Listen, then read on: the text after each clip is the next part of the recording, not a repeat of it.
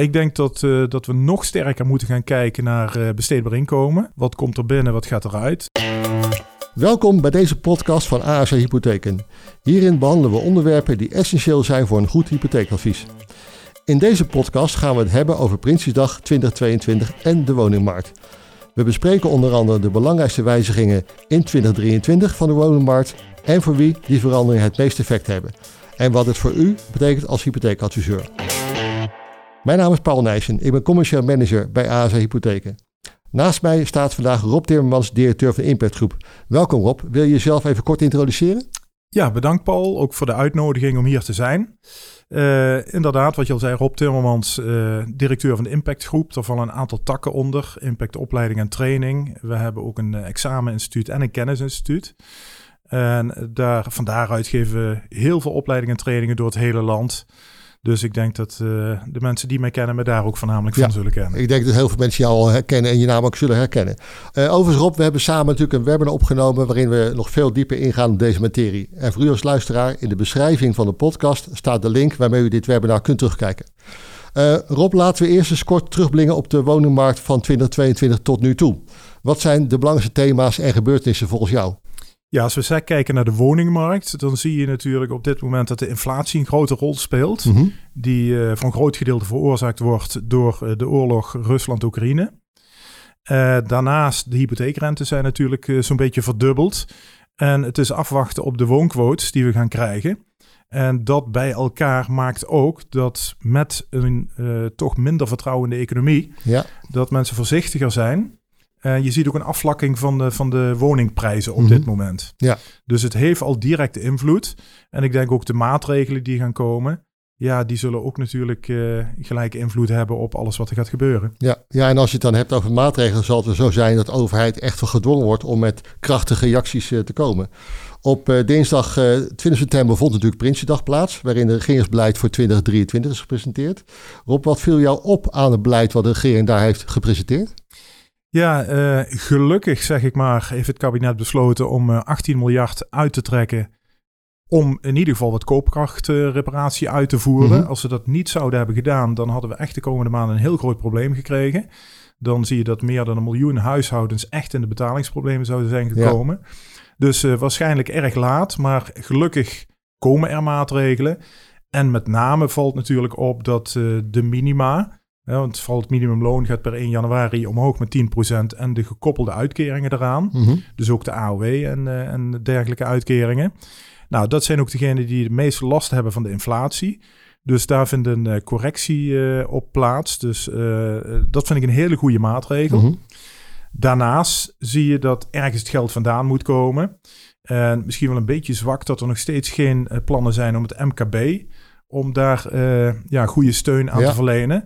Want je ziet aan de andere kant wel dat met name de winsten zwaarder belast gaan worden van bedrijven en de hogere inkomens gaan wat meer inleveren. Ja, want de regeling van de MKB schijnt heel erg ingewikkeld te zijn.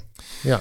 Uh, ja, maar ja, regeren is vooruitzien. Dus ze hadden dit natuurlijk een klein beetje kunnen uh, zien aankomen. En ik denk zeker met de enorme stijging van de energielasten, zie je dat een aantal branches het toch wel erg moeilijk gaat krijgen. Ja. En ik denk dat daar ook heel snel maatregelen voor moeten komen. Ja, kun je inschatten welke maatregelen er dan zouden moeten komen, specifiek voor deze doelgroepen? Ja, ik denk dat je voor die doelgroepen hetzelfde wat je nu gaat doen, een soort energieplafond moet instellen. En zeker voor de branches die heel sterk afhankelijk zijn van het energieverbruik. Ja. Nou ja, je ziet de berichten al voorbij komen van, uh, van de bakkers en, en de, de, de uh, frietenten die gewoon dicht moeten omdat ze op dit moment niet meer kunnen bolwerken. Die enorme stijging krijgen van die energielasten.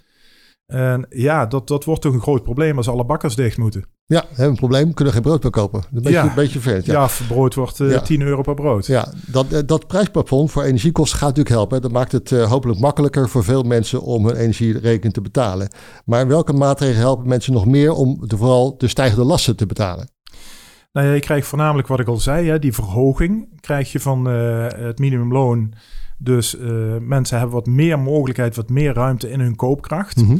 De koopkracht gaat volgend jaar ook weer uh, iets omhoog. Het, het gekke is, dit jaar hebben we eigenlijk een, een positief verhaal met betrekking tot de koopkracht. Maar dat heeft natuurlijk te maken met de eerste twee kwartalen van dit jaar. Want daarna kukelt weer alles in. Ja, uh, ja daarnaast zie je ook dat allerlei toeslagen gaan omhoog. Richting voornamelijk weer de lagere inkomens.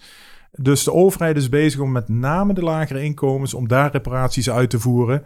Zodat uh, ja, zeker voor die categorie alles betaalbaar blijft. Ja, ja. En betaalbaar blijven is meer uh, net het hoofd boven water. Exact, exact. Dat zijn dus heldere maatregelen. En als we wat meer gaan inzoomen op de woninghypotheekmarkt, wat zijn daarvoor de belangrijkste veranderingen en maatregelen te verwachten in 2023? Ja, dan zie je voornamelijk de uh, veranderingen in de boxen. Box 1, waar we de renteaftrek gaan beperken tot, uh, tot echt het lage tarief, dat mm -hmm. iets omlaag is gegaan. Nou, dat is in feite in box 1 is dat de grootste verandering. Uh, box 2, dat is wel heel interessant. Dan zie je dat uh, tarief van de vennootschapsbelasting, ja, die, uh, als we die vergelijken ook met de dividenduitkering, dan zie je ineens dat die belasting, die gaat in twee schijven plaatsvinden. Mm -hmm. Waar we nu op 31% zaten, daar ga je langzamerhand de komende jaren naar 34%. Ja. En je ziet ook dat de winsten, die worden zwaarder belast.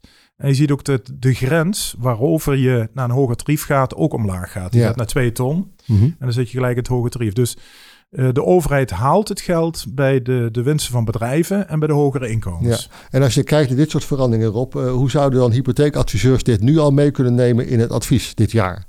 Ja, ik denk dat, uh, dat we nog sterker moeten gaan kijken naar besteedbaar inkomen. Wat komt er binnen, wat gaat eruit? Ja, want een hele oude discussie, hè? Ja, ja dat, dat blijft natuurlijk een discussie. En nu nog steeds actueler. Want zeker met, met de verhoogde prijzen... Uh, denk ik dat adviseurs daar juist veel aandacht aan moeten besteden. We zullen natuurlijk ook een enorme wijziging in de woonquotes krijgen. En samen met al de verdubbeling de afgelopen maanden van de hypotheekrentes... Mm -hmm ja, zou het zomaar kunnen zijn dat je over een aantal maanden nog niet de helft kunt lenen van wat je een jaar geleden ja. kon lenen. Ja, de dus impact dus zal fors zijn. Ja. Nou, ja. dat zie je ook al gelijk op de woningmarkt, zie je die invloed. Dat je op dit moment een, een stabilisering en afvlakking krijgt, ook van de woningwaardes. Ja, en het vertrouwen in de economie is natuurlijk laag. Uh, vertrouwen in het kabinet is erg laag. Dus mensen zijn ook voorzichtiger. Ja. Zullen wat minder snel ook gaan verhuizen en een andere woning kopen. Ja, dat, dat is helder, denk ik.